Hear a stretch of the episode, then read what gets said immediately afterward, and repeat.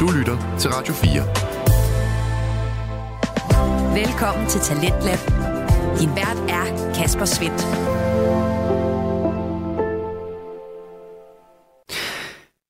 Og velkommen tilbage til programmet her på Radio 4, som altså præsenterer og udvikler på Danske Fritidspodcast. I aftenens udsendelse, der har jeg forresten at præsentere dig for tre af slagsen, og vi skal nu springe tilbage til nummer to. Den hedder Episk Selskab og er en oldtidspodcast, der hører til ved Syddansk Universitet og studentermediet Rust. Podcasten består af Tobias Bang og Frederik Hirsborg, som øh, springer ind i myter, historiske levn og nutidige referencer, alt sammen omkring det samfund, som øh, vi har formet så meget af det, vi lever i i dag, op omkring. Og på baggrund af en lytter efterspørgsel, så handler aftenens episode omkring de forskellige blomstermyter fra oldtiden, og det er altså dem, vi runder af på her, når vi skal tilbage til episk selskab. Blomster, Frederik. Når jeg siger blomster, hvad tænker du så? Så tænker jeg på en plante. Ja. Ja. Prøv Nu, at- nu nævner du selv rose også. Prøv at komme med nogle adjektiver.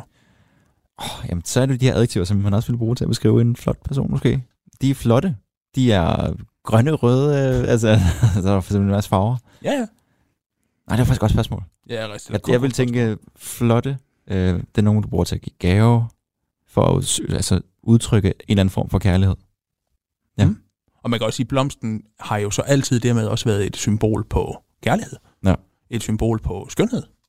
Og hvis vi holder fast i symbolet på skønhed, så synes jeg, at det der er næsten mest interessant ved blomster. Nu kan jeg allerede sige, at vi skal faktisk til at tale om øh, selvopfattelse, både i, i datiden og i nutiden. Fordi når vi taler om topøj og topos, det er det samme, det handler bare om, hvad for en grammatisk form du har det i. Ensam flertal. Ja, nemlig. Så ligger der jo i det, at man jo anser blomsten for at være smuk. En adonis, det er en smuk blomst, som forgår hurtigt. En hyacint, det synes jeg ikke, men det er for mange en smuk blomst. Der forgår hurtigt. Nej, det gør den jo faktisk ikke. Den er svær at få til at gro. Nå, to forskellige fortolkninger af Ja. ja. kærligheden, ikke? Jo, det er faktisk rigtigt. Det er faktisk rigtigt. Nå, en adonis, det er også en smuk blomst. Så hvis man nu for eksempel bruger blomsten som billede, hvorfor er blomsten en gave? Det er fordi blomsten er en on- omniprocent måde at sige, jeg synes du er sød, jeg synes du er flot. Kan det i hvert fald være. Dermed så har man jo nogle skønhedsidealer i oldtiden, som er fortællingsbaseret.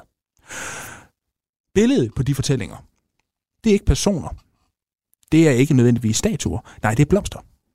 Så du får altså en materiel ikonografisering af de her historier, som gør, at du pludselig har et billede, du kan sætte på, hvor smuk, hvad ved jeg, Paris har været. Han har måske været lige så smukt som Narcissus Ja. blomsten, eller som Adonis blomsten, og den slags. Og det har man jo så haft ned gennem historien, fordi du bare ikke har haft en billedtradition. Man har ikke nødvendigvis kunnet forevige billedet af ja, hvad ved jeg, ens kæreste, eller af Paris, eller Achilles, eller alle dem her, man skulle leve op til. Helena Nej, men du kan beskrive det ved hjælp af... af blomsten, Ja. og du kan bruge det som symbol. Og jeg tror faktisk, at det har utrolig meget at gøre, det, jeg tror faktisk, at det siger helt abnormt meget om ens selvbillede. Fordi i blomsten, der ligger der jo ikke bare det, den er smuk, der ligger der også betydningen i farverne og i blomstens form og i den fortolkning, man har bag de historier, der har været i blomsten. I dag, nu bruger jeg Instagram igen, Ja.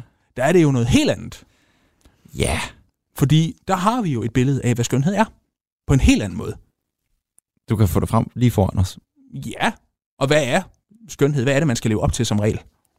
Jamen, du vil gerne ind på de idealer, der bliver fremstillet, både gennem Instagram, siger du, sociale medier, men lige så meget film og tv-serier. Ja, ja, og medier. jo, og bare at man generelt, begynder at ikke? gøre lidt op med det, ikke? Stille og roligt. Jo, men, men vi har det stadigvæk i en helt abnorm ja, Ja, ja. ja. grad. Ja, hvor det er...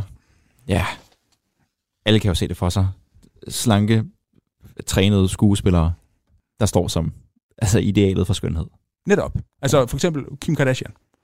Jeg bruger Kim Kardashian ret ofte, fordi Kim Kardashian, hun øh, for noget tid siden begyndte jo at tabe sig. Bevidst. Hun begyndte at tabe sig, og det havde Kim Kardashian har jo ellers altid været den der øh, dame, hvor man havde sagt, det er nogle store lov i nogle lækre støvler. Og det kan godt være flot. I det, hun begynder at tabe sig, der begynder hele modverdenen at sige, okay, det kommer til at ændre vores selvbillede, fordi så begynder idealet igen at gå væk fra, at man skal være den kropsform, man nu engang har, til at man skal være tynd. Ja. Og det var en bevægelse, som hun havde en kæmpe stor indflydelse på. Så, Og der er jo også, jeg, ja, hvad vil du sige? jeg vil også sige, sådan, nu sagde du også Instagram, der er også alle de her filtre, der ændrer udseendet mm. på en, så man på en eller anden måde kan Bedre leve op til. bedre leve op til et eller andet ideal, man har. Ja. Man man som, man, har forestiller sig. blevet, som man, man jo har fået plantet ind i sit hoved. Ja. Hvor man kan sige, i min verden, der er blomsten jo noget, hvor du kan fortolke, hvad skønhed er. Ja, det er jo en helt anden form for ideal, Ja. Det er ja. en helt anden form for det. Du kan ligge i det præcis, hvad du vil. ja. Fordi, hvad, hvad ved jeg, en øhm, tulipan. I princippet kan det være en klog blomst. Ja, Så kan man putte det ind i det skønhedsideal og sige, jeg er som en tulipan, eller hun er som en tulipan, eller hvad det nu kan være. Det gjorde man jo også i 1800-tallet. Der var blomstersprog en helt fast ting. Både i måden at beskrive hinanden på, så hvis du nu for eksempel fik en rød rose, så kunne det jo enten betyde, at du var smuk. Hvis du får en gul rose, så kan du faktisk også give nogle positive konnotationer til vedkommende, men du kan også godt sige, at jeg har været utro. Det er det, der ligger i den gule rose. Nå. ja, ja. Øhm, tislen for eksempel, den kan også have et helt andet sprog. Jeg afviser dig, men jeg er draget. og det er sådan, oh. Ja, ja, ja, ja. Den er, det der, det er, jeg er kompliceret. Ja. Ja. Øh, korten Ja, ja, op til en ja. signalfest, eller hvad det nu kan være, ikke? Anemonen, min kærlighed forgår lidt. Bladene falder af, af hurtigt. Altså, Nå. Jamen igen fortolkningen af selve blomsten. Ja. ja. Og det er sjovt. og det dyrker man jo helt Ja. ja. sindssygt meget øh, i 1800-tallet. Og har det her blomstersprog. jeg, jeg synes, jeg skal tilbage til det. Jeg gør det en lille bit smule. Brug blomstersprog. Ja, ja. Jeg fortæller ikke nogen, jeg gør det, men jeg gør det faktisk en lille bit smule. Grineren. Ja, jeg har aldrig givet gule roser til nogen, bare roligt. Nej. Når du har givet en anemone. Øh, ja.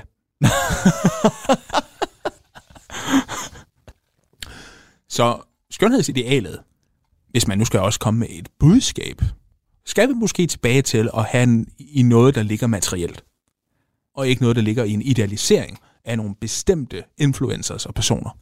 Ja. Enig? Ja. Der er jo også et eksempel, vi har haft i dag her, hvor at det idealet ikke lå i en blomst. Mm. Det blev det jo så til. Men Ja. Narcissus' skønhedsideal var sig selv. Ja. Og det var jo skadende for ham. Og ved du hvad, Frederik? Det er verdens bedste overgang. Fordi man kan jo tale stolpe op og stolpe ned om opera, men jeg tror faktisk, jeg vil undlade det. Også for at gøre afsnittet lidt simpelt. Og okay. så Okay. vende over til noget, der What? What? interesserer mig lige så meget. Jeg vil lige hurtigt sige, at øh, vores intro, det var Mozarts første opera, øh, K36, mener jeg det er. Det betyder hans 36. værk. Han var 11, tror jeg, da han skrev den opera. Ja. Ja. Det er sindssygt. Den hed Apollo et Hyacinthus Ja. og den hedder om, handler om Apollo 1. Hyacinthus, den var en lille times tid. Den er faktisk okay. Men Men nu er vi over i Narcissus. Eller hvad? Nej, det er vi ikke. nu er vi Nu nu er vi- over er vi... i den gode bog, som man vil sige i Amerika. Og det er selvfølgelig højskolesangbogen. Jeg har kun haft den i hånden, da jeg var bogpakker i en sommerferie. Og derfor får jeg en anden tilsvarende bog i hånden her. Der er den sko- danske s- skolesangbog. Ja. Yeah. den fik jeg faktisk, da jeg ikke blev konfirmeret. Ja. ja. Jeg synes faktisk, det er fint, at vi lige nævner Narcissus. Fordi de der blomster, de spiller jo en helt abnorm stor rolle i lige præcis højskolesangbogen og i vores danske sangskat, fordi at de jo har alle mulige forskellige betydninger. Hvorfor er det egentlig, vi skriver sange, Frederik? Jamen, det er jo måske for at skabe noget evigt minde. Det er den ene grund, det er rigtigt. Ja. Hvad tror du er sådan den mere folkelige grund? Det lyder godt. Ja. Ja, jo, ja, jo. Nej, er det for at skabe en anden sammenholdsfølelse omkring noget? Det er det også, det, men det er jo noget, det er jo moderne koncepter. Det er, okay, du har fuldstændig ret i alt, hvad du siger. hvorfor? Du har fuldstændig ret i alt, hvad du siger, men det er jo noget, at senere fortolkere har fundet ud af, at ligger i den menneskelige natur. Det er menneskeligt at skrive sange, fordi sange er tidsfordriv. Okay. Det, men det er jo tidsfordriv, og så er det en måde socialt som samfund at i komme folk på. For eksempel i Lillian ja. en sang. Ja, ja. Jamen, det Odysseen. er det. Odysseen er også en Det er sang. en sang. Øh, alt Sapfo har lavet. Det er en sang.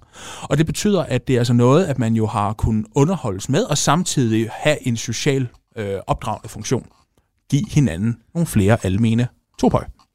Ja. Så hvis vi nu springer godt op i 1800-tallet, der er der jo nogle fantastiske mennesker, som jo putter nogle kristne undertoner over nogle af de her sange. Blandt andet Grundtvig. Ja, Har du hørt om Grundtvig, Frederik? det har jeg. Hvad hedder han til fornavn? NFS. Ja, hvad står han for? Nils? Alle tror, det er Niels. Hvad er det? Nikolaj. Nikolaj. Nikolaj og Frederik Saving Grundtvig. Så der var faktisk rigtig NFS? Ja, du skal Okay. okay. altså over på påskeblomster, ved du her. Jeg har jo lukket Frederik til at synge, fordi vi synger helt abnormt meget i det her studie, og højskolesangbogen, det er jo simpelthen nogle fantastiske stykker kultur, som virkelig samler mennesker. Og der er jo både nogle fantastiske melodier. Her er det Karen Nielsen, som den er skrevet i 1910, og så er det tekst af Grundtvig. Ja. Ja, i en lignelse om Jesus opstandelse, en overvejelse over påskeblomstens øh, opkomme i uvær og ja, meget hurtigt nedgang igen. Lidt ligesom Jesus. Han taler lidt ind i det her øh, blomsteraspekt. Det også. betaler faktisk meget mere, end du lige tror. Lad os prøve at kigge på det. Okay, er du klar? Ja. Påskeblomst, hvad vil du her? Bundeblomst fra landsbyhave. Uden duft og pragt og skær, hvem er du velkommen gave? Hvem mon tænker du har lyst, dig at trykke ham til bryst? Mener du en fugl tør våge, sang om dig i Danmarks skove?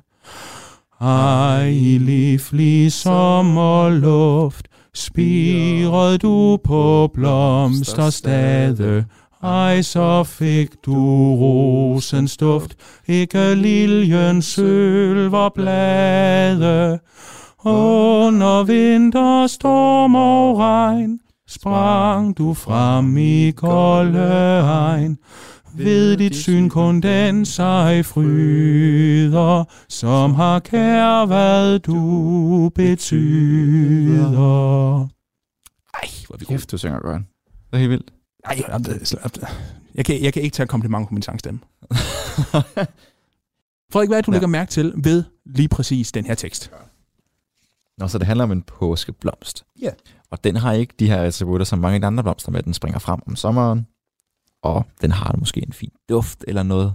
Nej, det har den ikke. Men den springer frem i de golde tider. Uden glans og farvepragt, står der i det gamle vers 3. Men det er jo stadig en velkommen gave, Ja, men det er jo fordi, det er Jesus. så du siger, Jesus er grim. Øh, jeg tror jo ikke, Grundtvig han har tænkt, at Jesus var pæn. Det tror jeg ikke. Nej. Altså, vi fortalte jo sidst om, eller for, faktisk i dødsafsnit nummer to, om, at Jesus var utrolig smuk, men det ligger ikke sindssygt godt ind i sådan en 1800-tals forståelse af, at alle er ligesom Jesus. Nej. Anyway, den her blomst, den er hverken smuk, den har ikke nogen fantastisk skær, eller alle mulige fantastiske smukke ting. Og påskeblomsten, Frederik, det er faktisk en af de blomster, vi har talt om i dag. Det er en narcissus. Men der står også det sidste her. Ved dit syn kun den sig fryder, som har kær, hvad du betyder. Mm-hmm. Så der er jo et eller andet bagvedliggende omkring blomster. Blomsten her. Men her, her er det jo så igen, at kun den, som ved, hvad du betyder, ved, hvor godt det, du er, er. Og det er jo Jesus. Selvfølgelig. det kan jeg godt se. Så, så påskeblomsten er en personificering, eller en, en, igen, en, Ja. en idealisering, en genstallisering. Hvad hedder sådan noget? En, Jeg står også her. øh, ja, det gør mit lytter også. Materialisering. ja. Materialisering, tak, af Jesus. Ja. Men de attributter, den får, det er noget dimensionalt modsat af, hvad den har i oldtidens Grækenland, eller hvad Adonis for den sags skyld har. Så man ændrer jo fuldstændig karakter i de her blomster, fordi i Danmark, der har den jo en helt anden betydning, fordi det er den første blomst, der kommer op sammen med vintergækken, som også er en løgblomst i øvrigt. Ja. Så man har altså forholdt sig til de her blomster helt utrolig meget. Og i dag, der har vi jo også i, øh, hvad den hedder, øhm, det er i dag et vejr, et solskinsvær, o søde vor, så er du er der nær. Nu vil jeg glemme rent, da det var vinter, nu vil jeg gå og købe hyacinter, og bringe dem til en, som jeg har kær. Der var hyacinthen, Det ikke? var jo sandt, ja. Ja, og der får man jo igen en kærlighedskonnotation. Så den her er der jo trods alt, brød sig videre. Det må man sige. Men det kan du sige om mange blomster. Men det er Men måske det er også i netop- virkeligheden det, der er min Nej, lige præcis. pointe, ikke? Ja. Det er en Thomas, vi bør op til i dag, og den der, altså, øh, den er jo endnu senere end Grundtvig. Men nu har vi arbejdet med påskeblomsten, som jo virkelig er den her blomst, som ikke er særlig pæn. Er der måske i virkeligheden også en konnotation i, at en narcissus, det er i virkeligheden en, det er i virkeligheden noget, som man jo senere har fået til at være en meget, meget, meget negativ kvalitet. ja, men det er jo mest i, med bund i myten her. Mm. Fordi at vi skal faktisk tilbage til en gammel kending, vi har snakket om før, med Ødipus. Sigmund Freud, der øh, coiner termet Ja, ah. med narcissisme. det er Så han, genialt. han har altså styr på sine Han har øh, altså styr på antikke sine tekster. Ja. Men narcissismen og en narcissus, jeg ved, jeg ved faktisk, jeg tror ikke, at Grundtvig han nødvendigvis har vidst, han har selvfølgelig vidst, hvad den hed på latin. Ja. Det er klart, ja, ja. fordi at alle kunne latin på det tidspunkt, altså af dem, at der skrev. Øh, men han har måske i virkeligheden ikke nødvendigvis kendt historien, hvorfor at der for ham ikke ligger de konnotationer i den blomst, som at uvid måske har lagt i den. Nej. Men det, der er også morsomt, det er, nu talte vi jo før om, at vi ser på andre, og så ser vi på os selv. Men jeg tror jo, at, at vi kigger på en personificering af skønhed. Det ikke gør noget godt for vores eget selvværd. Men at se på en materialisering af skønhed, det er meget bedre, fordi du kan lægge den konnotation, de topøj ind, som du selv opfanger, når du ser de her bestemte blomster. Så den positive konnotation af narcissisme, altså en eller anden form for selvkærlighed. Ja, altså det her budskab med, elsk dig selv for den du er. Du skal elske din næste, som du elsker dig selv. Og der havde vi faktisk også samtale under dødsafsnittet om, at det er jo en lille bit smule svært, fordi i dag der er der rigtig mange, der faktisk ikke elsker sig selv. Ja. Eller har det svært med sig selv. På grund af de her billeder, vi hele tiden taler om Det er i hvert fald en mulig forklaring på Det det. er ikke? en Og af forklaringerne. Ja, ja, lige præcis. på den her. Men jeg tror også, at budskabet skal være, at vi skal også passe på med ikke at skræmme hinanden væk fra og kigge på os selv og faktisk kunne lide både, hvad vi ser og hvad vi synes om os selv. Nej, man skal jo ikke gå for meget over i begge lejre. Du Nej. Nej. skal jo, uanset hvad, skal du kunne leve med dig selv, men du skal også gerne være glad for dig selv, Ja, ja, netop. Selvfølgelig. og den man er. Og det ved jeg jo faktisk ikke, hvor meget man gør, gør i dag. Altså, man bliver meget hurtigt klandret, hvis at jeg nu siger, at jeg synes, jeg er den bedste i verden og har den bedste humor i verden. Det synes jeg, jeg er. Jamen, Men folk er når du, oppe i når du at- siger det til mig, ved du, hvad, så nikker jeg Øh, forstående. det kan godt være, jeg ikke er enig. nej, nej, men, men altså... men altså, Og- sådan, hvis du siger det til en fremmed, det må du ikke. Ja, eller hold kæft, hvor er jeg god. Ja. Jeg er altså god en gang imellem. Du er mega god, og Jamen, flere gange imellem. Og nu går vi så over i, at du skal give mig ret. Det behøver du heller ikke. Jo, jo, men det er også narcissistisk, altså, fordi at... Du er også mega god, Frederik. Tak. Ja, for Al- det, var, alle jeg har holder ventet på det der, ufattelig- i, siden vi startede med at snakke Alle om nar- holder- narcissisme. Ufattelig meget af dig. Jo, det gør. ja, vi skal ikke, det skal vi ikke. Du har ret, vi skal ikke stå og... Alle holder ufattelig Kammerhus. meget af Frederik Kjærsborg Petersen. Og han lægger dig altid bare så meget fra sig. Ja. Elsk dig selv. Elsk dig selv for helvede. Elsk din nærmeste også. Elsk dig selv. Næste kærlighed skal vi også have fat i. Ja, ja, men altså, du skal jo elske din næste, som du elsker dig selv, og du skal elske Gud. Så blev vi kristne. Nå, ja, men det er jo det, Det det tog, hvor mange... øh, 18 afsnit var vi oppe på nu med det her. Det er svært, fordi vi af- udgiver Det- to afsnit. Jeg tror, det er det 20. Nej, det er det 21. det her.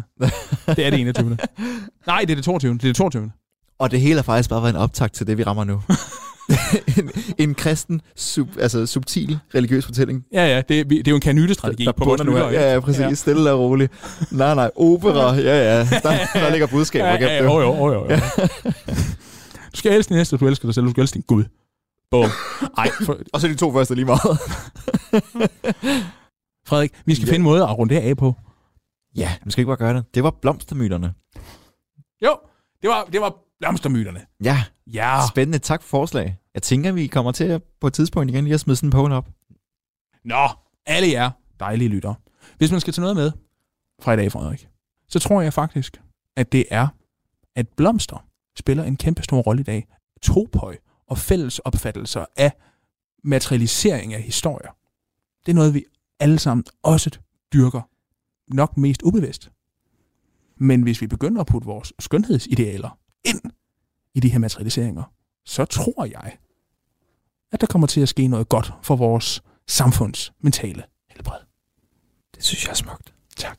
Og med det, min kære lytter, skal vi jo fortælle, at øh, næste afsnit, Nå ja. det kommer til at handle om... Det skal vi da også have med. Selvfølgelig skal vi det. Helt andet. vi skal over i noget historie igen. Ja, og vi skal over i en... Øh, Og hvis jeg må sige det, ja, meget så gerne. er det en af de sjoveste, s- mest spændende, historiske figurer, vi nogensinde kommer til at have med at gøre i den her Vi skal til og podcast. Elysium på, lo- på, lor, på jord. jord. på jorden. Vi skal snakke om algebiernes. Den største narcissist i øh, græsk historie. Ja nok. Ja. Muligvis. Så det bliver eddermame spændende. Det bliver mega godt. Det bliver en fortælling om krig, om terninger, om Ja, og splid og alt det der. hår, Og der er masser af godt at hente fra. Del, like, kommenter, kom med forslag til nye afsnit, vælt os på gaden, eller noget. Og så ses vi til et fantastisk afsnit næste tirsdag. Ja. Tak for jer. I er alle sammen skønne. Farvel. Du lytter til Talentlab på Radio 4. Og således kom vi frem til enden på aftenens anden fritidspodcast, der hedder Episk Selskab, og består af Tobias Bang og Frederik Hirsborg. De leverede her et afsnit omkring blomstermyter, og hvis du vil høre mere omkring oldtidens myter, historiske levn og nutidige referencer, så kan du altså finde Episk Selskab inde på Spotify, og selvfølgelig med inde på det sociale medie Instagram. Og så til aftenens tredje og sidste fritidspodcast, som du både kan finde på de forskellige sociale medier og på podcasttjenester. Den hedder Det forladte Danmark og består af Mikkel Hersken Lauritsen og Rasmus Svalø. Og mens vi i aften både har hørt fra en øh, True Crime podcast og lige fra en øh, oldtidspodcast, så skal vi nu til undersøgelsen af glemte tidslommer, når samtale- og reportagepodcasten Det forladte Danmark altså runder af for i aften. Den byder sjovt nok på besøg af forladte steder i det danske land, og de besøg står Mikkel og Rasmus altså for. De er to passionerede og dejligt nørdede værter, som byder velkomst ind i en øh, verden af smadrede vinduer, en masse finurlige genstande og glemte historier.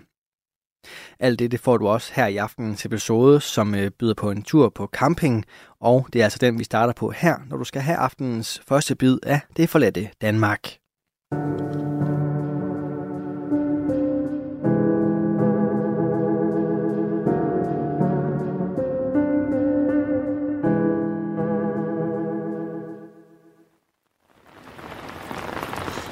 Nå, Svane, Nå, dejen. nu skal vi jo til det. Det skal vi. Ved du, øh, som, øh, som du plejer, fortælle noget om, hvor er det, vi har været henne? Jeg tænker, jeg skal vi lige starte med at sige, hvad skal I siden sidst? Skal noget spændende? Ikke rigtigt. Ja, fair nok. Det vil faktisk være synd at sige. Fair nok. Der er Nå. gået øh, levmestejs tilværelse i den. Åh, oh, kedeligt. Ja. Kedeligt, kedeligt, kedeligt. Det er, det er hverdagen. Jeg har f- meget fokus på spider. Nå. Rigtig meget fokus på spider. Og for andet, man skal få flere spiderbørn. Okay. Det er det, jeg får rigtig meget af min tid til at gå med. Min tid, den går med at sove, skide og spise. og arbejde. Fedt. Ja.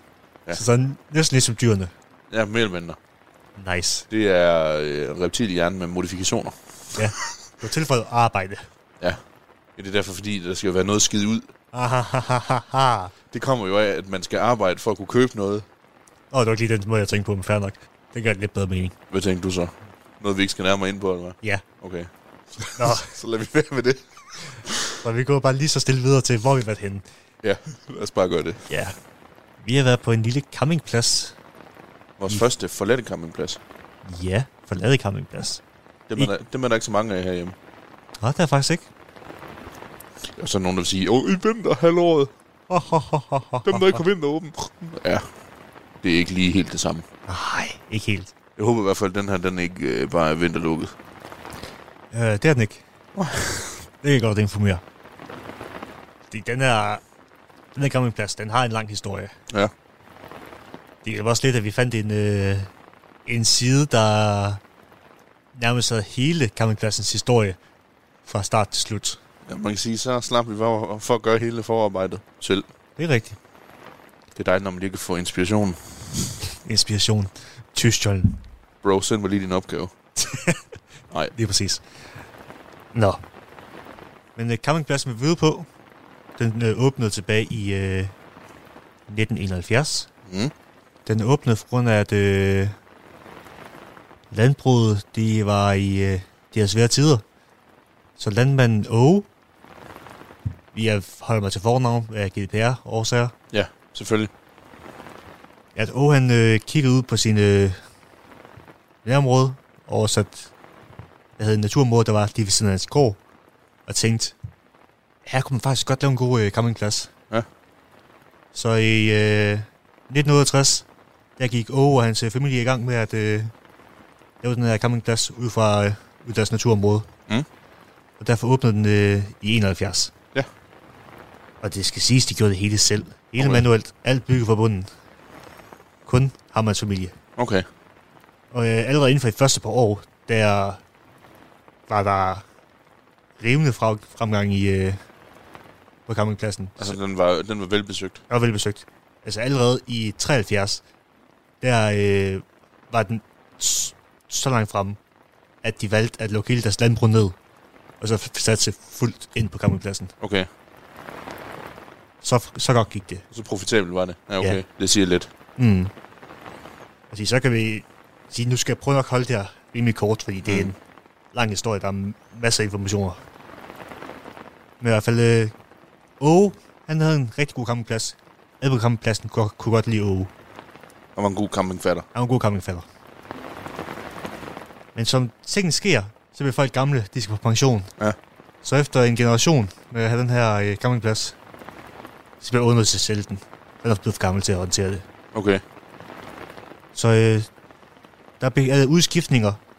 Folk de er rigtig dårlige til at øh, håndtere det, så der, bliver, der er masser af udskiftninger, som er rigtig mange udskiftninger. Altså i, øh, i ejerforholdene, eller hvad? Jeg er i forholdene og øh, forpagterne af campingpladsen. Ja. De er også skiftet ud rigtig meget. Og, det- og det be- betyder faktisk meget, Mm. altså i, øh, i campingmiljøet, det der med, at det er en ordentlig, øh, en ordentlig pladsholder, der ligesom Ja, styrer, hvad der foregår. lige præcis. Også når det er en campingplads, der har haft rigtig mange fastlæggere. Mm. Ja, ja, helt klart. Mm. Og specielt når det er en mindre campingplads. Hvor de var, umiddelbart så var det plads til 50 campingvogne, skråstreg, telte. Mm. Så ikke ligefrem den allerstørste. Nej, nej. Nej, og man kan sige, og der, de, når man er en, en mindre campingplads, så skal man i hvert fald kunne tilbyde et eller andet særligt, som gør, at man kan konkurrere med de store. Ja, Altså man kan sige, der er jo, altså hvor mange campingpladser er der går i det her land, hvor der er altså sådan nogle giga vandland, og jo. altså, Som ekst- ekstremt mange. nu tænker vi for eksempel sådan en som Jambo Feriepark, har du hørt om den? Nej, det har jeg ikke. Men den er jo gigastor, den ligger oppe ved Forbes Omland. Mm. Kæmpestor. Altså det, eller dernede ved, øh, ved Blåvand. Ja, det har jeg ikke. Det kender jeg godt. Ja, nu har jeg lige glemt, hvad den hedder. Men som også, som også er familieejet. Mm. Mm. Det er vist nogle søskende, der ejer den. Ja. Jeg har simpelthen ikke glemt, hvad den hedder, men øh, det kan man vel finde ud af. Men den er jo også kæmpe. Altså, det er jo sådan, de, altså, det er jo sådan nogle feriecentre. Mm-hmm. Det er det. Og det kan være... øh, al- Altså, det er bare svært for sådan nogle små mm. campingpladser at hamle op imod. Det, det er det bare. Så derfor skal man kunne tilbyde et eller andet. Man kan sige, hvis man tænker, hvis fortællingen er, okay, campingfatter, han er, han er sgu bare i orden. Mm. Der sker nogle, han arrangerer nogle fede mindre ting. Ja. Til det temperament, som dem, der kommer, de nu har. Mm. Uden at tilbyde de der kæmpe store attraktioner. Det ved jeg i hvert fald, det er der mange, der, Ja. der ikke bryder sig om heller. Men også når vi siger sådan store attraktioner, skal jeg også sige, at det her det er jo sådan et sted, der ligger inde midt i landet. Øh, Så også Ja. allerede tilbage i dag 71, hvor det åbnede. Så det åbnede de jo også med swimmingpool. mm. De, de lå jo. De skulle have et eller andet, der kunne trække folk ind i landet på campingplads. Ja, fordi der er langt ud til stranden, for Lige eksempel. præcis. Ja. I modsætning til alt det, der ligger ud til vandet. Som for eksempel øh, Blomhaven i øh, Højbjerg. For eksempel. der ligger lige ned til vandet. Altså mm. i Mm. bogstavelse forstand ligger der i Marcelsborg skovene. Ja. Øh, men det ender i hvert fald med, at der kommer nogle ejere, der hedder Ole og Dorte, Mm. der øh, køber den her gård. Ja, pff, gård. Campingplads. Kamp. Campingplads. Ja, fordi det var en gård tilknyttet til campingpladsen. Ja, ja. Det er Jamen. der lige på lidt forvirret. Ja. Ja. Men efter et par... En rimelig hård opstart. fordi Nu skal de jo til at have alle folk tilbage igen efter Ja. ja. et par år, hvor der har været meget udskiftninger i øh, ejerforholdene. Ja, det er jo klart, de skulle ligesom lige etablere det der, den der tillid igen jo. Ja. Og det skal også siges, at øh, i det der udskiftningsperiode, der er der jo ikke blevet vedligeholdt på den der campingplads overhovedet. Nej. Fordi folk har jo bare prøvet at få pengene til rundt. Ja. Dermed lige pludselig skulle lave et kæmpe renoveringsprojekt for at få det til at fungere. Det er noget, der, det er noget, der koster. Det er det nemlig. Så allerede det første, de gjorde, det var jo at bruge, øh, som I selv siger, 400 liter maling af masser af knofedt. Ja. For at få den her campingplads op at køre. Efter to sæsoner, hvor det har kørt rimelig lort, og sige sådan mildt, så får de endelig hul igennem, og folk kommer til at være på campingpladserne. Men der er så lidt med ham her Ole her. Han kan ikke... Øh, ting kan ikke være godt nok. Det kan kun blive bedre og bedre og bedre. Okay. Så sådan en, per, en perfektionistisk tilgang til... Lige Uh, præcis. ja, okay. Så nu kommer vi over i det der med at tilbyde alle de store ting. Mm. Fordi Ole her, han udvider til, at øh, for første der kan være 100 pladser. Samtidig så tilføjer han, at øh, der er radiobiler, der er luftgynger. Han tilbyder en masse ting til børnefamilier. Blandt andet tur til Legoland, fastelavn, øh, markedsdage, øh, de laver tv-stue. De udvider og udvider og udvider. De laver en dag også, øh, hvad hedder det, øh, BMX-baner Okay. og laver hytter. Det var ikke særlig tydeligt, da vi var der, Nej, at de ting har været der. det kommer så også en forklaring på lige her om lidt. Fordi det blev fjernet igen, eller hvad? Ja. Men det ender også med, at øh, efter en del år, hvor jeg bare har kørt fremad for Ole og Dorte, så kommer, jeg til, at- så kommer det, at de begynder at tiltrække en masse socialt udsatte mennesker, Mm. der begynder at flytte ind på øh, gammelpladsen. Og rigtig mange af de sociale udsatte, der flytter ind på gammelpladsen, de har venner, der er tidligere kriminelle. Okay. Så der kommer rigtig meget konflikt på den der gamle plads. Specielt mellem alle fastlæggerne og de til- nytilkommende. Det gør jo så, at der er kæmpe navestridigheder. Altså, kan du uddybe de der konflikter? Øh, det, Hvad- kan jeg, for det er man nødt til at sige, det kan jeg faktisk ikke, fordi så meget gik jeg ikke i detaljer i vores øh, artikel. Okay. For jeg skulle lige tænke, er det fordi, det blev til sådan en... Nu tænker jeg for eksempel på den der corona-camping over på Sjælland. Altså, om det blev til sådan en trailerpark. øh, lidt, og det er også lige så meget med, at øh, der er fester på lade, der er stof, salg, salg af stoffer på campingpladsen osv. Ja, okay. Det, det, det er umiddelbart til sådan nogle ting. Der er øh, så alle de her nytilkommende, de er jo højlytte i forhold til. Ja, der er sådan... Altså, der er ikke balance i øh, klientellet, der, Nej. der ligesom kommer. Nej. Mm. Mm. Så vi- lidt ligesom hvis man har set, øh, hvad hedder det, øh, konflikt i kolonihaven, den der ja. dokumentarserie, der har været. Der er ligesom sådan en kløft Ja, men mellem, øh, mellem de gamle og de unge. Lige præcis. Og sådan, jeg kan forstå det ud fra den her historie, jeg har fået læst, så er det nogenlunde det samme. Men det bliver i hvert fald så slemt, at kommunen er nødt til at træde ind. Okay. Og øh, Ola og Dorte, de har så ekstremt mange konflikter med kommunen. Både med, hvordan de bor, fordi de bor i en bolig, der faktisk ikke er godkendt til helårsbrug. Og det er alle konflikterne med beboerne. Det går helt sindssygt for sig. Ja, fordi jeg tænker også, hvis det er... Hvis der er ligesom sådan en overvægt af socialt udsatte, de må vel også et eller andet sted være i kommunens søgelys. Lige præcis. Eller i hvert fald nogen, der er kendt af systemet i forvejen. Ja. Men øh, det er i hvert fald sådan, at øh, de bliver så nødt til at lukke campingpladsen. Mm. Fordi de kan ikke få til at køre rundt. Så de prøver simpelthen i, i hvert fald øh, fra 2004 og frem til 2006 at få solgt campingpladsen. Ja. Og de kan bare ikke få solgt den. Der er da ikke noget værd, måske. Nej, fordi folk de har jo godt, de hører jo rimelig hurtigt om alle de konflikter, der har været med Ja, kommunen. ja, helt klart. Og det har jeg faktisk ikke rigtig lyst til at være en del af. Nej, man vil, man vil ikke sætte sig i forbindelse med det. Nemlig. I hvert fald når det er blevet sådan et epicenter for Mm. kriminel aktivitet. Lige præcis. Interessant. Ja. Men det er i hvert fald med, at øh, Ole han får lavet en aftale med øh, den gamle Åges søn, om han faktisk gerne vil øh, købe øh, campingpladsen. Mm. Men på den betingelse, at alle de ting, som Ole har bygget, Det blev fjernet. det blev fjernet. Okay. Så derfor kunne vi ikke finde Noget som noget helst spor andet. af det. Nej, okay. Det giver mening. Så vi er helt tilbage i gamle rødder. Ja. Og jeg skal også sige, der har været... Nu har ham her, Per Ågesøn, han har boet på gården, der var, lå lige op til campingpladsen. Ja, så den der lå lige klods op af. Ja. Ja. Og har i overvis haft også problemer med campingpladsen. Altså få den til at løbe rundt og faktisk drive virksomhed Nej. på det eller hvad. Altså, han har jo bare boet på gården, der lå lige ved siden af campingpladsen. Okay, altså uden at han egentlig har noget med campingpladsen at gøre eller hvad. Ja, lige præcis. Den har, det har bare været nabogrunden. Det var Okay. okay. været naboen. Nå, så han har boet der hele tiden, mens øh, alt andet, der det stod på Ja. eller hvad. Okay. Så er jeg med. Så han har jo hørt på alle de her konflikter, politiet har været ude og alle konflikterne været på campingpladsen. Ja. Ja. Det var jeg er rimelig irriteret over. Ja, det forstår man Det vil godt. ikke være særlig sjovt som nabo. Altså, det er også fordi, de er jo ikke bare naboer. Altså, det, altså, det er jo virkelig. Ja. Ja. Det er jo klods op af. Mm.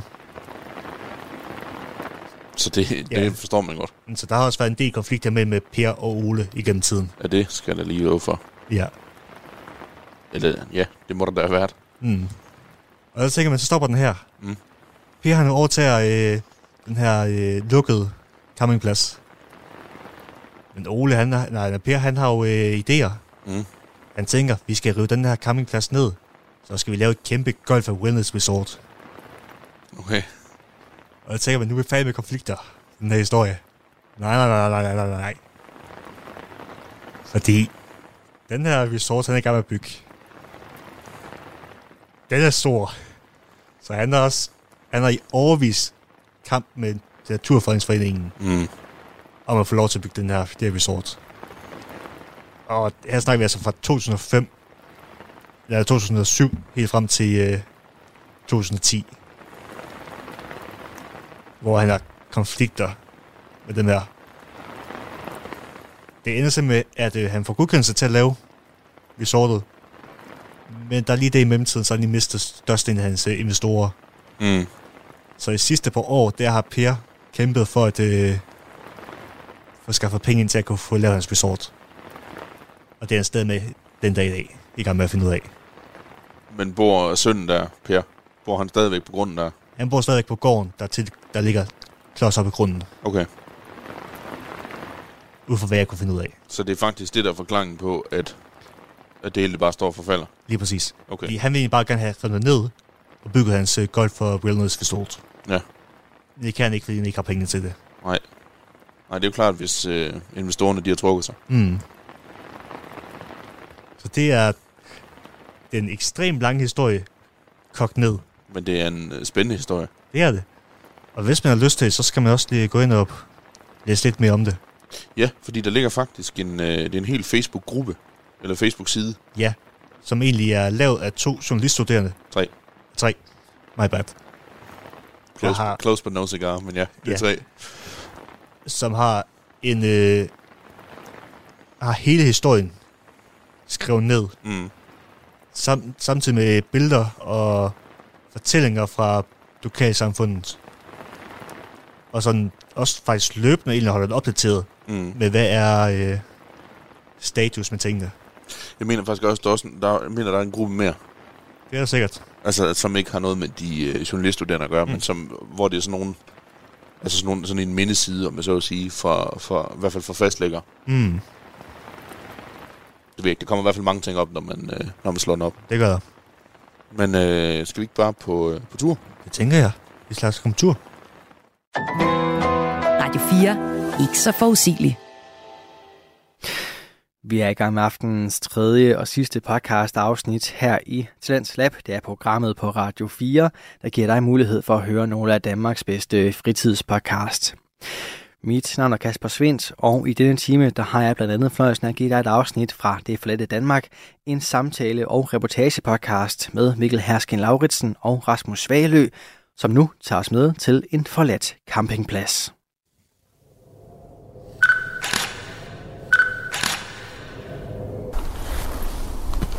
Lad os se på særen. Ja. Yeah. Det var jo tilgroet her. Det er der. Jeg kan lige komme se, at der har været en låge her. Ja. Og så kom det tre efterfølgende.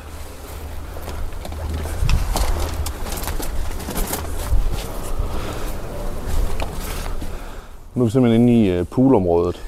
Det er vi. Der er rutsjebaner. Tre styks. Og en øh, fin swimmingpool. Har den i hvert fald været. Ja, den har været fin. Nu er der både øh, alger og Andemad og græs Siv. og siv. Dunhammer. Det er også, det er også dum, dunhammer. Og så en lille smule vand efter alt det regn, vi har fået sidste stykke tid.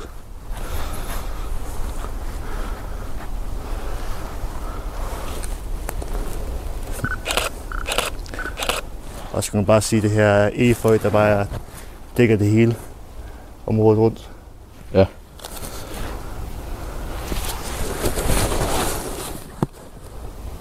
Men øh, skal vi prøve at gå ind i øh, omklædehuset? Bag dig. Ja. Hvad er rummet?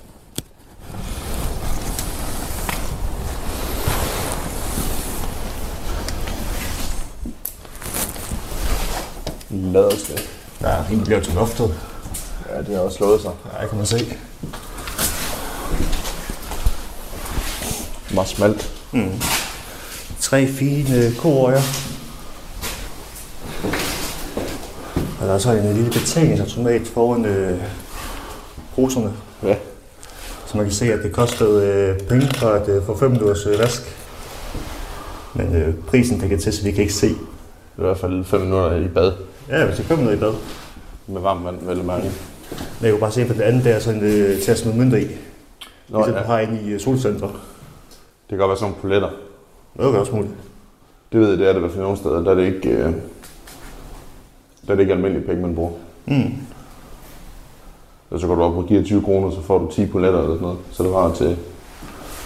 Så du kan komme i badeland senere. Ja, for pokker da. Og så fine piktogrammer med, at man skal huske at smide skoene. Meget pædagogisk. Mm.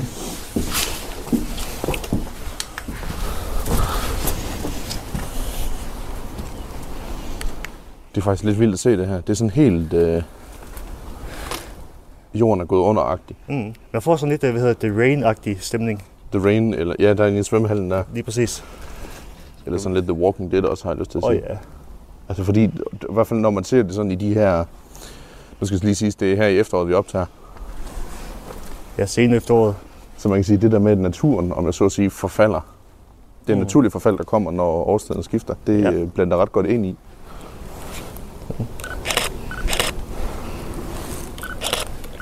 Jeg kan ikke helt finde ud af, om den der væg derovre, om det er den tegning, der er på, om det er fra campingpladsens storhedstid, jamen det er grafik, der kom efterfølgende. Og det er også svært at vurdere.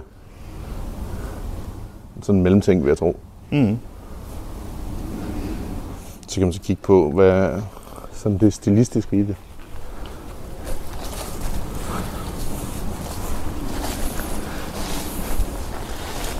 Så ligger en vanddunk nede i øh, bassinet.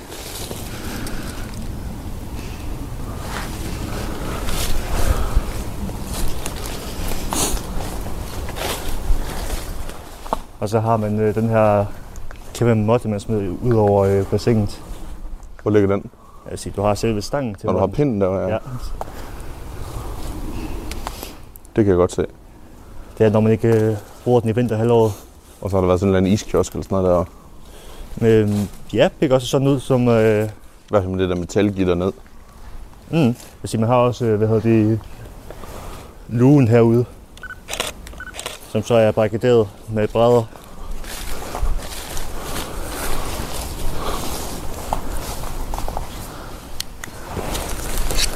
Og så har man haft øh, lamineret papir. Man kan se, øh, hvad man kan købe. Ja, så der har været sådan en kiosk i gang. Ja. Ja, ja. Så du kan få en rom og cola. Kunne man? Ja, ja. Og så kan jeg se, at et eller andet kostede øh, et eller andet kroner. Og så kunne jeg få en sodavand 40 centiliter. Nå. Men alt andet, det er simpelthen øh, Det er gået ned i naturen. worn out. Ja. Ui, Den her, den er glidt op, og papirer, de er totalt smuldret og solskadet. Så skal vi lige passe på, det her bræde, det er rimelig glat. Ja, det var lige ved at ryge på røven. Der er mere sådan noget kunst. Ja. Jeg tænker, konklusionen er, at noget af det har været for dengang. Ja, og så noget, det kom til efter Pladsen var åben, ja. Ja. Der kan man bare se øh, e der bare kom ud og på taget af, og så inde i væggen. Prøv lige at blive ved med at lyse der.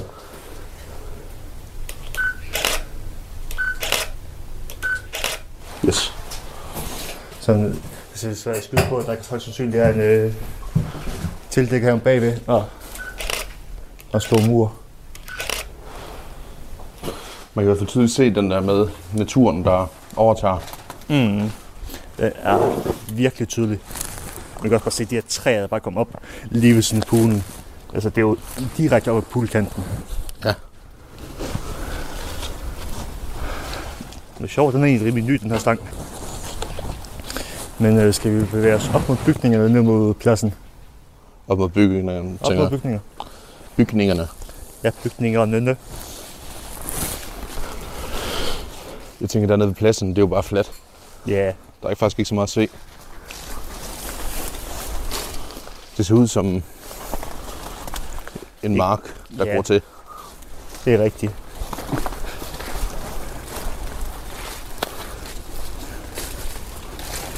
Og du kan bare se her, hvordan øh, hegnet de er bare smadret. Og øh, også bare se, hvordan brædderne de bare er rådne.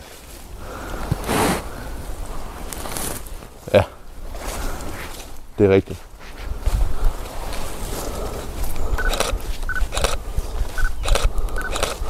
Men jeg tænker også det der med, apropos det her med naturen, der ligesom tager sig selv tilbage, det er jo, altså, Det er jo Øh, glasfiber. rimelig tydeligt.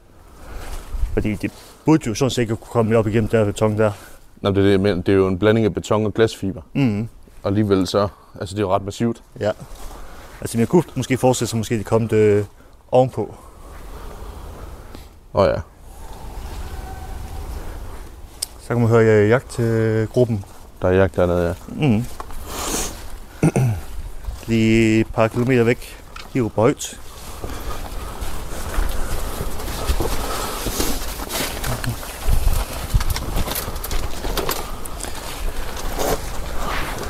Og så er vi toiletbygningen. Med den fine øh, fuglevoliere udenpå. Ja, der er lige sådan et øh, sådan en lille voliere, der er lavet.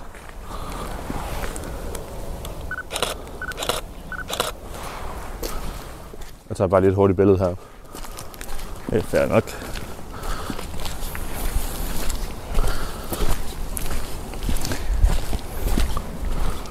Og så lige her, ud fra, fra vejen her. Mm.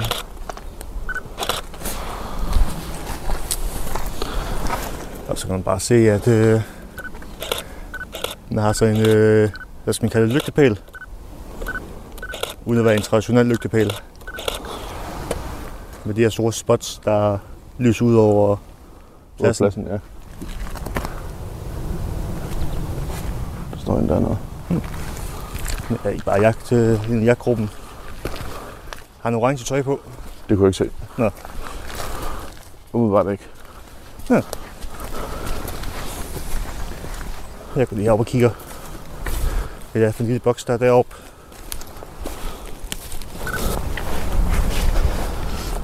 Der er majs i. Så er det sådan en foder.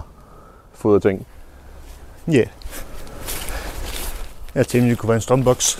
Det var det ikke. Det er sådan en foder. Foderkarusel. Mm.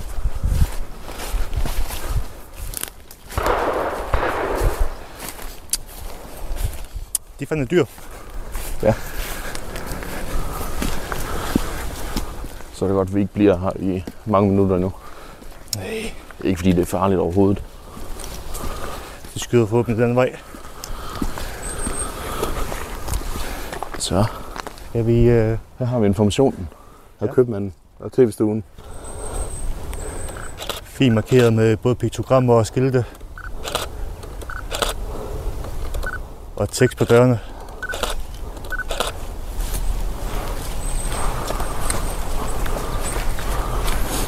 Så man ikke er i tvivl. Jeg tror, det mente, det skulle være et gammelt slidt piktogram med, at man ikke må ryge. Det tror jeg, du har helt ret i. Men hvor alt det røde, det er forsvundet. Så nu siger jeg, at du skal ryge. Jeg tror ikke, det er sådan en, en knogle med en raptor claw på.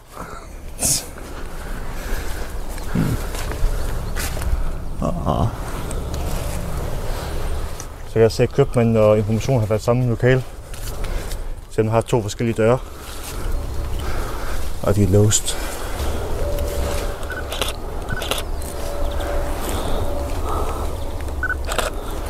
Og så tror jeg, de havde en telefon herinde. Det er lige en, der er skilt med en telefon på. Ja. Sådan en rigtig, sådan en rigtig gammel drejeskive-telefon.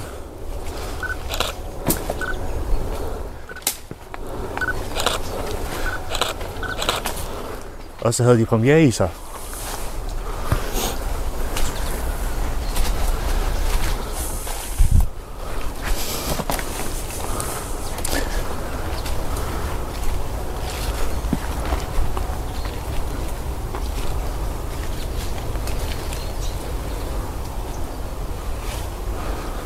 Det er sjovt med den der sav. Ja, Den er ret ny. Ja, den er forholdsvis ny. Så ser man, ved at se bladet, det er rustent. Okay, så, Så helt ny, er den nok håndtaget er ikke. stadigvæk forholdsvis nyt. helt ny kan den så ikke være. Nej. Man siger, den er ikke sådan, at hvad den har mos på sig eller sådan noget. Nå, men det kan godt tage lang tid.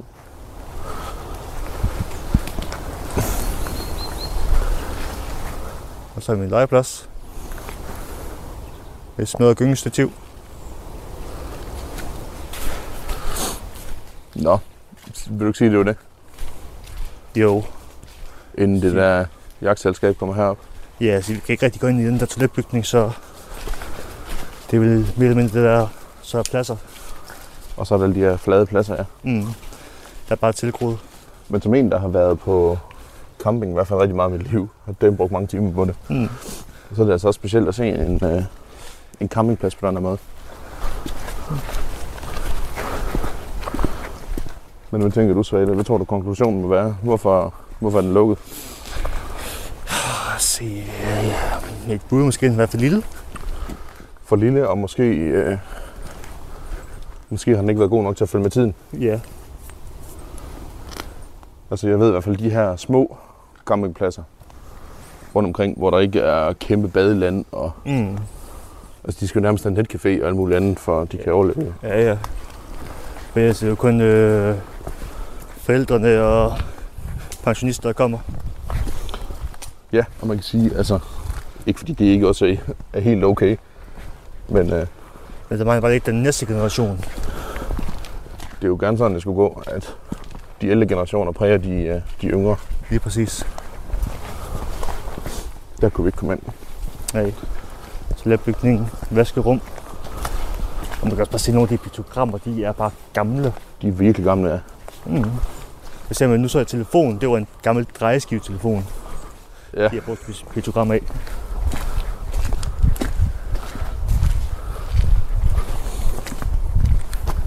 Yeah. Jeg tror bare, han stopper post dernede. Det er også sådan noget at sige, lad være med at gå herud. Der skydes Men øh, er det ikke det? udenbart. Jo, der er ikke så meget mere.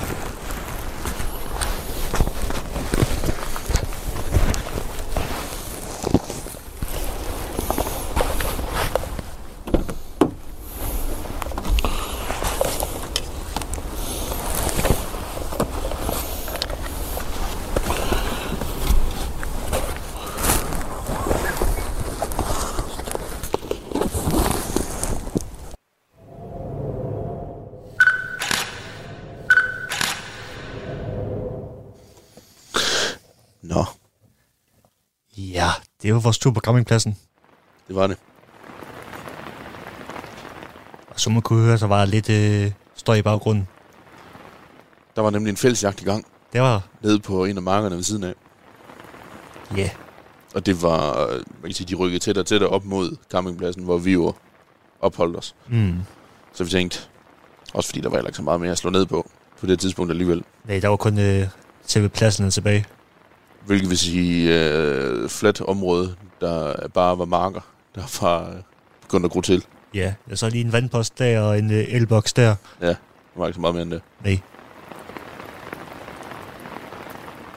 Det er jo sådan en ting, man kan blive udsat for, når man laver de ting, vi laver. Ja. Der er andre mennesker. Det er jo lige det. Der er sådan nogle mennesker, vi hellere vil have besøg af end andre. Det er der. Altid. Vagter og politi, det er vi ikke så glade for. Nej, men sig, de kan være okay en gang imellem. Ja, man kan sige, det er heller ikke, fordi- altså, nu har vi jo prøvet det. Det er ikke, fordi det er et problem, Nej, men det er altid lige en situation, der lige skal håndteres.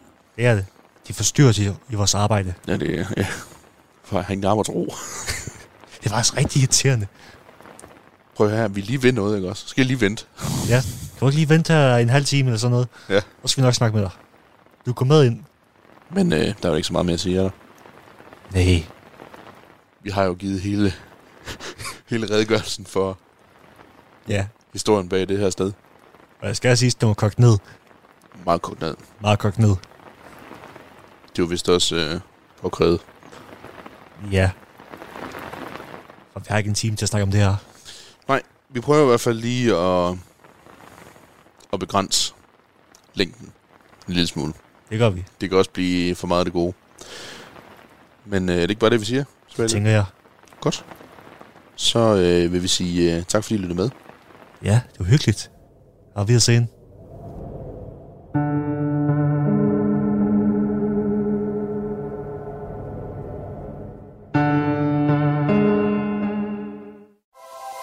Du lytter til Talentlab på Radio 4. Og her var det altså enden på aftenens program, som bød på hele tre danske fritidspodcast. Vi startede med noget true crime i form af frygteligt fascinerende og verden Maria Kudal, mens vi derefter tog et øh, hop tilbage i tiden sammen med oldtidspodcasten Episk Selskab med de to værter Tobias Bang og Frederik Hirsborg. Og så var det Mikkel Hersken Lauritsen og Rasmus Svagelø, som her rundede af i Det forladte Danmark og tog os med en tur på camping. Du kan finde alle tre fritidspodcast inde på din foretrukne podcast tjeneste, og også følge med på det sociale medie Instagram. Tidligere Talents Lab udsendelser ligger klar til dig på radio4.dk og i vores Radio 4 app. Mit navn er Kasper Svens, og det var alt det, jeg havde på menuen for i aften. Nu er det tid til nattevagten her på kanalen. Så tilbage for mig er blot at sige tak for denne gang. God fornøjelse, og selvfølgelig også på genlyt. Du har lyttet til en podcast fra Radio 4. Find flere episoder i vores app, eller der, hvor du lytter til podcast.